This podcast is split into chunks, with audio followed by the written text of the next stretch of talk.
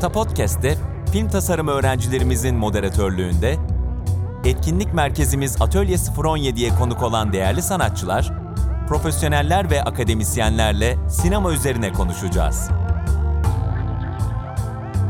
Podcast'imiz başlıyor.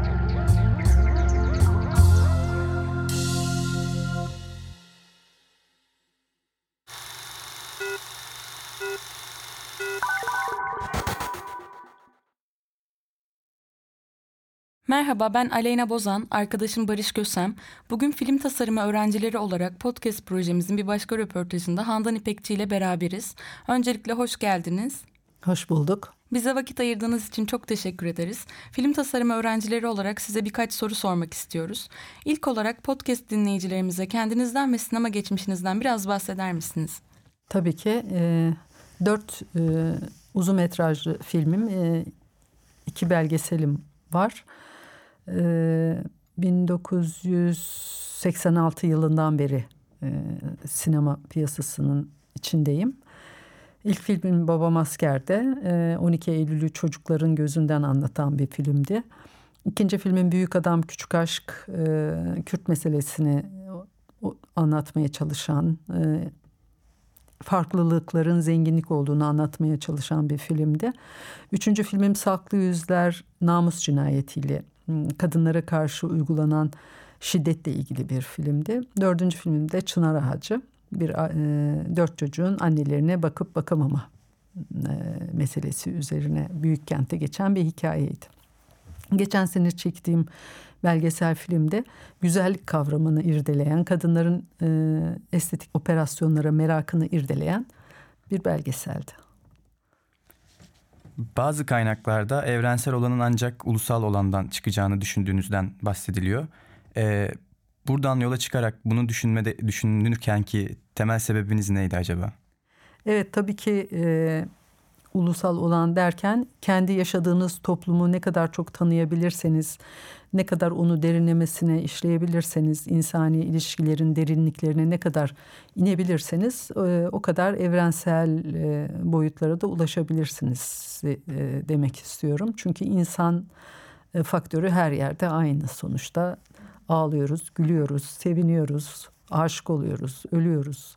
Yani onun için ulusal olandan kendi kültürümüze de yabancılaşmadan evrensele ulaşmak e, en güzeli diye düşünüyorum. Peki ticari başarı baskısına karşı duran bir yönetmensiniz. Biz öğrencilere bu baskının karşısında nasıl durulması gerektiğiyle ilgili neler söylemek istersiniz? Çünkü biz mezun olunca ne yapacağız onu tam olarak bilmiyoruz.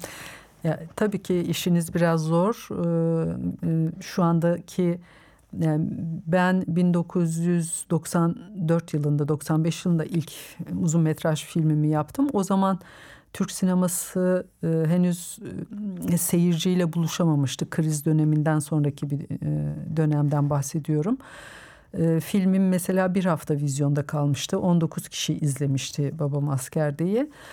Ee, daha sonra tabii ki bu aşıldı. Seyirci Türk filmleriyle barıştı. Ee, Türk filmleri iş yapmaya başladı. Fakat şu anda gelinen nokta bizim ilk filmlerimizi yaptığımız dönemdekine göre daha da zor hı hı. bir dönem.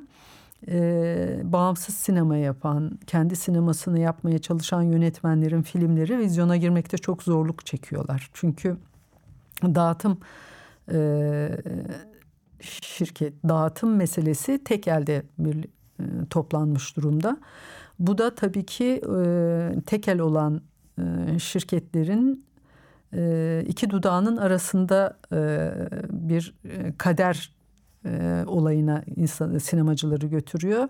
Zor bir süreç fakat bu zor süreç süreçten dolayı umutsuzluğa kapılmadan yine kendi e, sinemanızı yapmak için mücadele etmeniz en doğru yol diye düşünüyorum. Ben dördüncü dört film yaptım, beşinci filmimi yapıyorum. Ben de aynı sorunlarla yüz yüzeyim. Yani sadece işe yeni başlayan, e, sinemaya yeni başlayanlar için değil, eski sinemacılar için de aynı sorun söz konusu. Tabii ki bu e, konuda devletin çok e, iş yapması, bağımsız sinemaya gösterim alanları açması gerekiyor. Ticari filmlerin karşısında durabilmek için. Bu konuda bir eksiklik var. Umarım ileride o da çözülür diye düşünüyorum. Umarız. E, kendi filmlerinizi yapmak için mücadele etmekten söz ettiniz az önce de. E, Türkiye'de çok fazla gösterim şansı bulamayan ilk filminiz e, Babam Asker'de e, yine kendi çabalarınızla Berlin Film Festivali'nin panorama bölümünde gösterime girdi. Biraz bu süreçten bahseder misiniz? Bunu nasıl başardınız? Nasıl bir süreç gelişti? Yani film bittikten sonra benim her filmim e, başka bir film konusu olabilir. İlk filmimin e, macerası da e, beş filmler film çekimleri bittikten sonra para da bitti. Beş ay laboratuvarda parasızlık dönemi yaşandı. Tekrar filmi bitirebilecek duruma geldikten sonra ulusal festivallere girmeden önceki süreçte vizyona sokamadım. Demin de bahsetmiştim. E, bir hafta vizyona girebildi. Çünkü Türk filmleri gerçekten o dönemde 1995 yılından bahsediyorum. Vizyona giremiyordu. E, ticari, seyirci gitmiyordu gerçekten Türk filmlerine. Benim filmimde e, bir ay İstanbul'da bir sinemada gösterime girdi. O bir hafta pardon.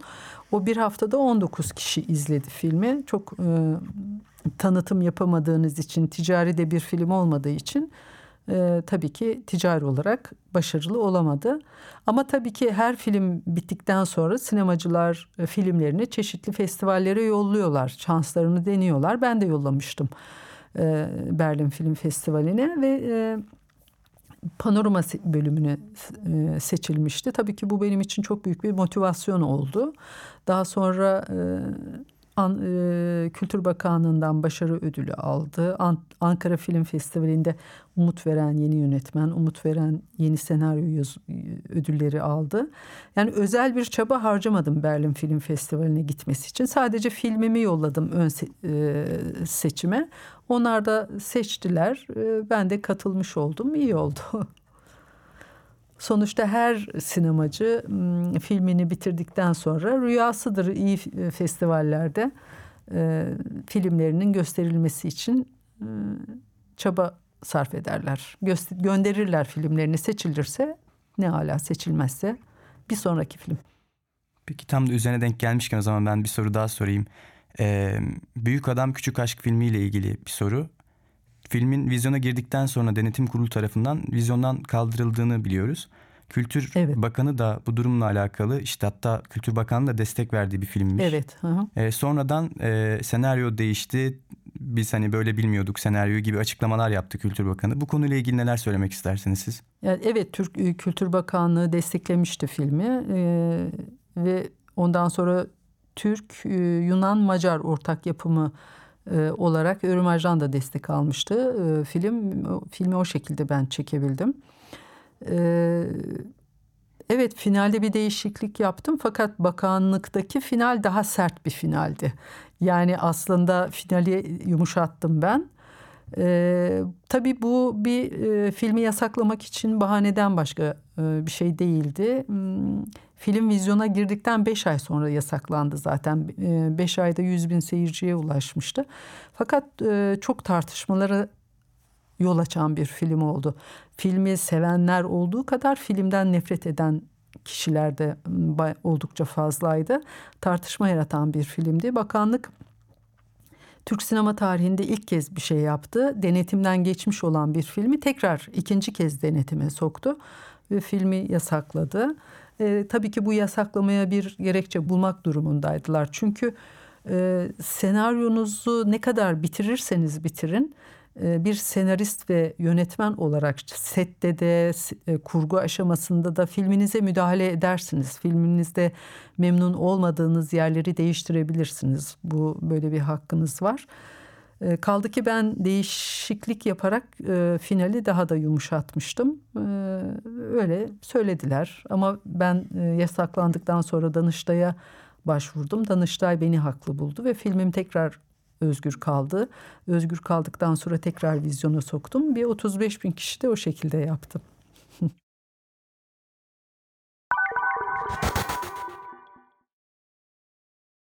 Çok güzel. Peki filmlerinizde hem senaristlik hem de yönetmenlik yaptığınızı biliyoruz. Bir yönetmenin kendi senaryosunu yönetmesinin işini kolaylaştıran ve zorlaştıran yanları neler? Yönetmen ve senarist aynı kişi ise e, bu çok avantaj sağlıyor bir kere e, yönetmene. Yani çünkü senaryo aşamasında zaten siz sahneleri düşünmeye başlıyorsunuz, oyunculukları düşünmeye başlıyorsunuz. Hatta bazı oyuncuları Aa, bu rolü şu oyuncu oynar diye düşünmeye başlıyorsunuz. Çok e, birbirini besleyen durumlar e, dezavantajı olduğunu düşünmüyorum.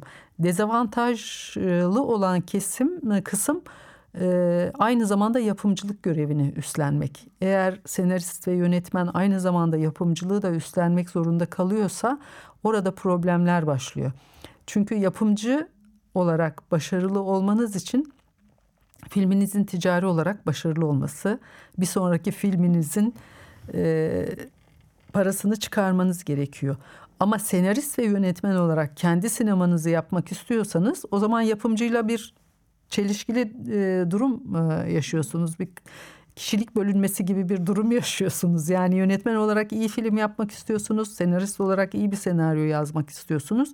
Ama yapımcı olduğunuz anda e, çok e, farklı bir durumla karşı karşıya kalıyorsunuz.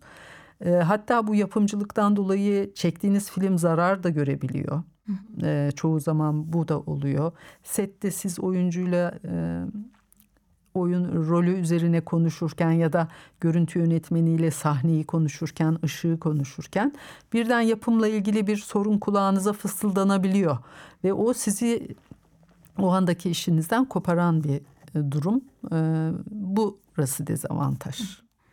Peki bu sizin tercihiniz miydi? Yapımcılığını da kendiniz üstlenmeniz. Yani bu bir duruş muydu sizin için? Yoksa bazı e, şeyler sizi bunu buna mı itti? Yani şartların zorlaması mıydı bir bakıma? Kesinlikle şartların zorlamasıydı. Yani senaryo ve yönetmenlik benim çok zevk aldığım kısımları işin. Fakat yapımcılık yapmayı asla düşünmemiştim ben baştan itibaren. Ama şartlar oraya itti bize. Bizim kuşağımız 90'lı yıllarda ilk filmlerini çeken birçok yönetmen hem yazdı hem yönetti hem de yapımcılık yaptı. Yani bunlar işte Zeki Demirkubuz, e, Yeşim Ustaoğlu, Nuri Bilge Ceylan bunlar hep o dönemde e, yapımcılık da üstlenen yönetmenler. Kimisi daha az yaralarla yapımcılık kısmını atlattı. Kimisi çok yara alarak o e, süreci yaşadı. Ben biraz fazla yara aldım galiba. Yapım sürecinden de bahsetmişken e, biz öğrenciler de mezun olduğumuzda büyük ihtimalle aynı problemleri yaşayacağız. E, bazı fonlar olduğunu biliyoruz ve bu fonlara başvuruluyor. Hatta senaryo aşamasındayken e, başvurulup o senaryoyu yazmak için bütün zamanınızı harcayabiliyorsunuz onların sağladıkları evet. fonla. E, ama bu fonlar hakkında biz tabii ki böyle şeyler duyuyoruz ama detaylı bir bilgimiz yok. Biraz siz de eğer kendi deneyimlerinizden de yola çıkarak böyle bir şey yaşadıysanız biraz bahseder misiniz? Yani Türkiye'de çok fazla senaryo fonu yok. Gerçi şimdi e, Antalya Film Festivali, İstanbul Film Festivali e, bir takım etkinlikler yapıp e, senaryo aşamasından itibaren projeleri desteklemeye başlıyorlar. Kültür Bakanlığı'nın verdiği senaryo yazım desteği de var az da olsa. Ama az da olsa denemek lazım. Oralara başvurmak lazım. Çünkü Kültür Bakanlığı'ndan destek aldı demek de sizi motive eden bir durum oluyor.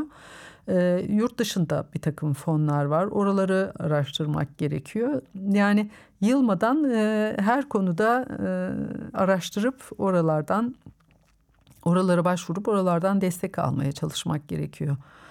E, çünkü Türkiye'de çok fazla başvurabileceğiniz yer yok. Kültür Bakanlığı var. İşte festivaller var. Festivaller tabii belki e, çok adil olmayabilir. Eğer belli e, belli insanların elindeyse orada adil bir e, dağıtım söz konusu olmayabilir. Kültür Bakanlığı'nın için de aynı şey söylenebilir ama bu sizi yıldırmamalı. Yani siz projenize güveniyorsanız başvurmalısınız, denemelisiniz. Aksi takdirde kendinizi sınırlamış ve geri çekmiş oluyorsunuz. Başkalarının önü açılmış oluyor o zaman. Şunu sormak istiyorum. Filmlerinizde seçtiğiniz konulara baktığımız zaman e, bu derdi olan filmler diye adlandırabileceğimiz bir kategoriye giriyor. Evet. E, duyarlı bir insansınız ama duyarlı olabileceğiniz birçok konu varken özellikle bu konularda duyarlılık göstermenizin altında bir yatan bir sebep var mı? Konu seçimleriniz nereden kaynaklanıyor? Yani beni en çok etkileyen konulardan öyküler çıkıyor. Ee, 12 Eylül'ü birebir yaşamıştık. Ee, 12 Eylül kuşağıyız. Ee, o insanları e, darbe sırasında tutuklanan, gözaltına alınan insanları gözleme şansım olmuştu. Dolayısıyla ilk öyküm öyle çıktı. Beni etkileyen e, gözlemleme olanağı bulduğum e, konuydu. E, ikinci filmim e, yine Kürt meselesiyle ilgili. Üçüncü filmim kadın sorunuyla ilgili. Bunlar hep beni et- etkileyen bir şeyler söyleme ihtiyacı hissettiğim konulardı. Dolayısıyla bir şekilde dayatıyor. Ben bu konuda e, hikaye yazmalıyım, çekmeliyim diye. Şu anda üzerinde çalıştığım projeler de öyle yani.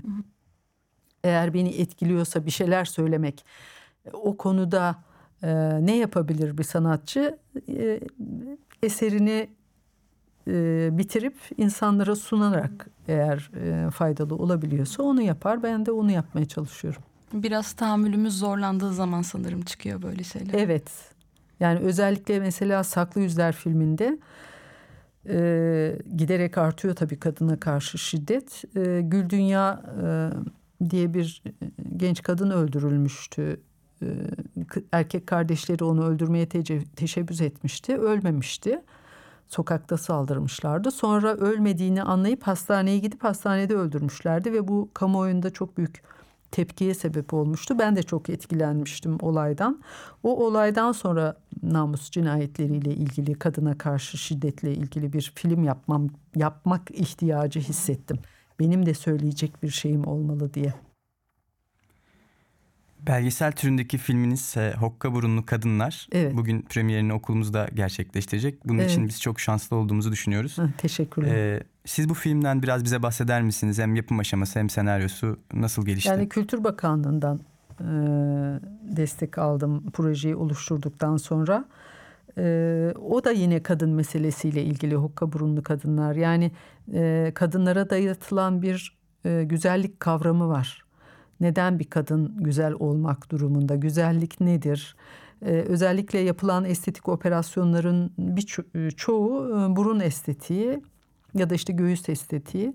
Ben burun estetiği üzerinden e, giderek e, burun estetiği yaptırmak isteyen bir genç genç kızı takip ederek e, derdimi anlatmaya çalıştım. Güzellik anlayışını irdeleyen bir belgesel. Burun estetiği yaptırmış biri olarak bugün akşam 7'de orada olacağım. tamam görüşmek üzere. Son bir sorumuz var size. Hali hazırda senaryo atölyeleri vermektesiniz. Az önce de bunlardan birindeydik. Oldukça verimli geçen bir atölye oldu. Projelerimiz bazında da farkındalığımız arttı sizin yorumlarınızla. Ee, biz size son olarak şunu sormak istiyoruz. Bu atölyeye katılma şansı bulunmayan arkadaşlarımız için senaryo yazımı ile ilgili bir reçete hazırlayacak olsanız bu reçetede neler yazıyor olur? Yani öncelikle yazdıkları şeye inanmaları gerektiğini düşünüyorum. Yani inanmadığınız bir şeyle ilgili yazmaya kalkarsanız o zaten baştan başarısızlığı kabul etmek oluyor. Ee, inanmak, samimi olmak, yazdığı şeyle ilgili samimi duygular beslemek çok önemli. E tabii bir takım teknik e, metotları var. O metotlara uymak özellikle işin başındayken e, klasik yazım kula- kurallarına uyarak gitmek gerekiyor. Onları okuyarak okulda da öğreniyorsunuz. Okuyarak araştırabilirsiniz. Onları öğrendikten sonra klasiğe karşı duracaksanız o zaman hani neye karşı duracağınızı öğrendikten sonra yapabilirsiniz diye düşünüyorum. Bugünkü podcast programımızın da sonuna geldik. Handan İpekçi bizimleydi. Kendisine tekrardan çok teşekkür ediyoruz ben burada olduğu teşekkür için. ediyorum. Bir sonraki bölümde görüşmek üzere.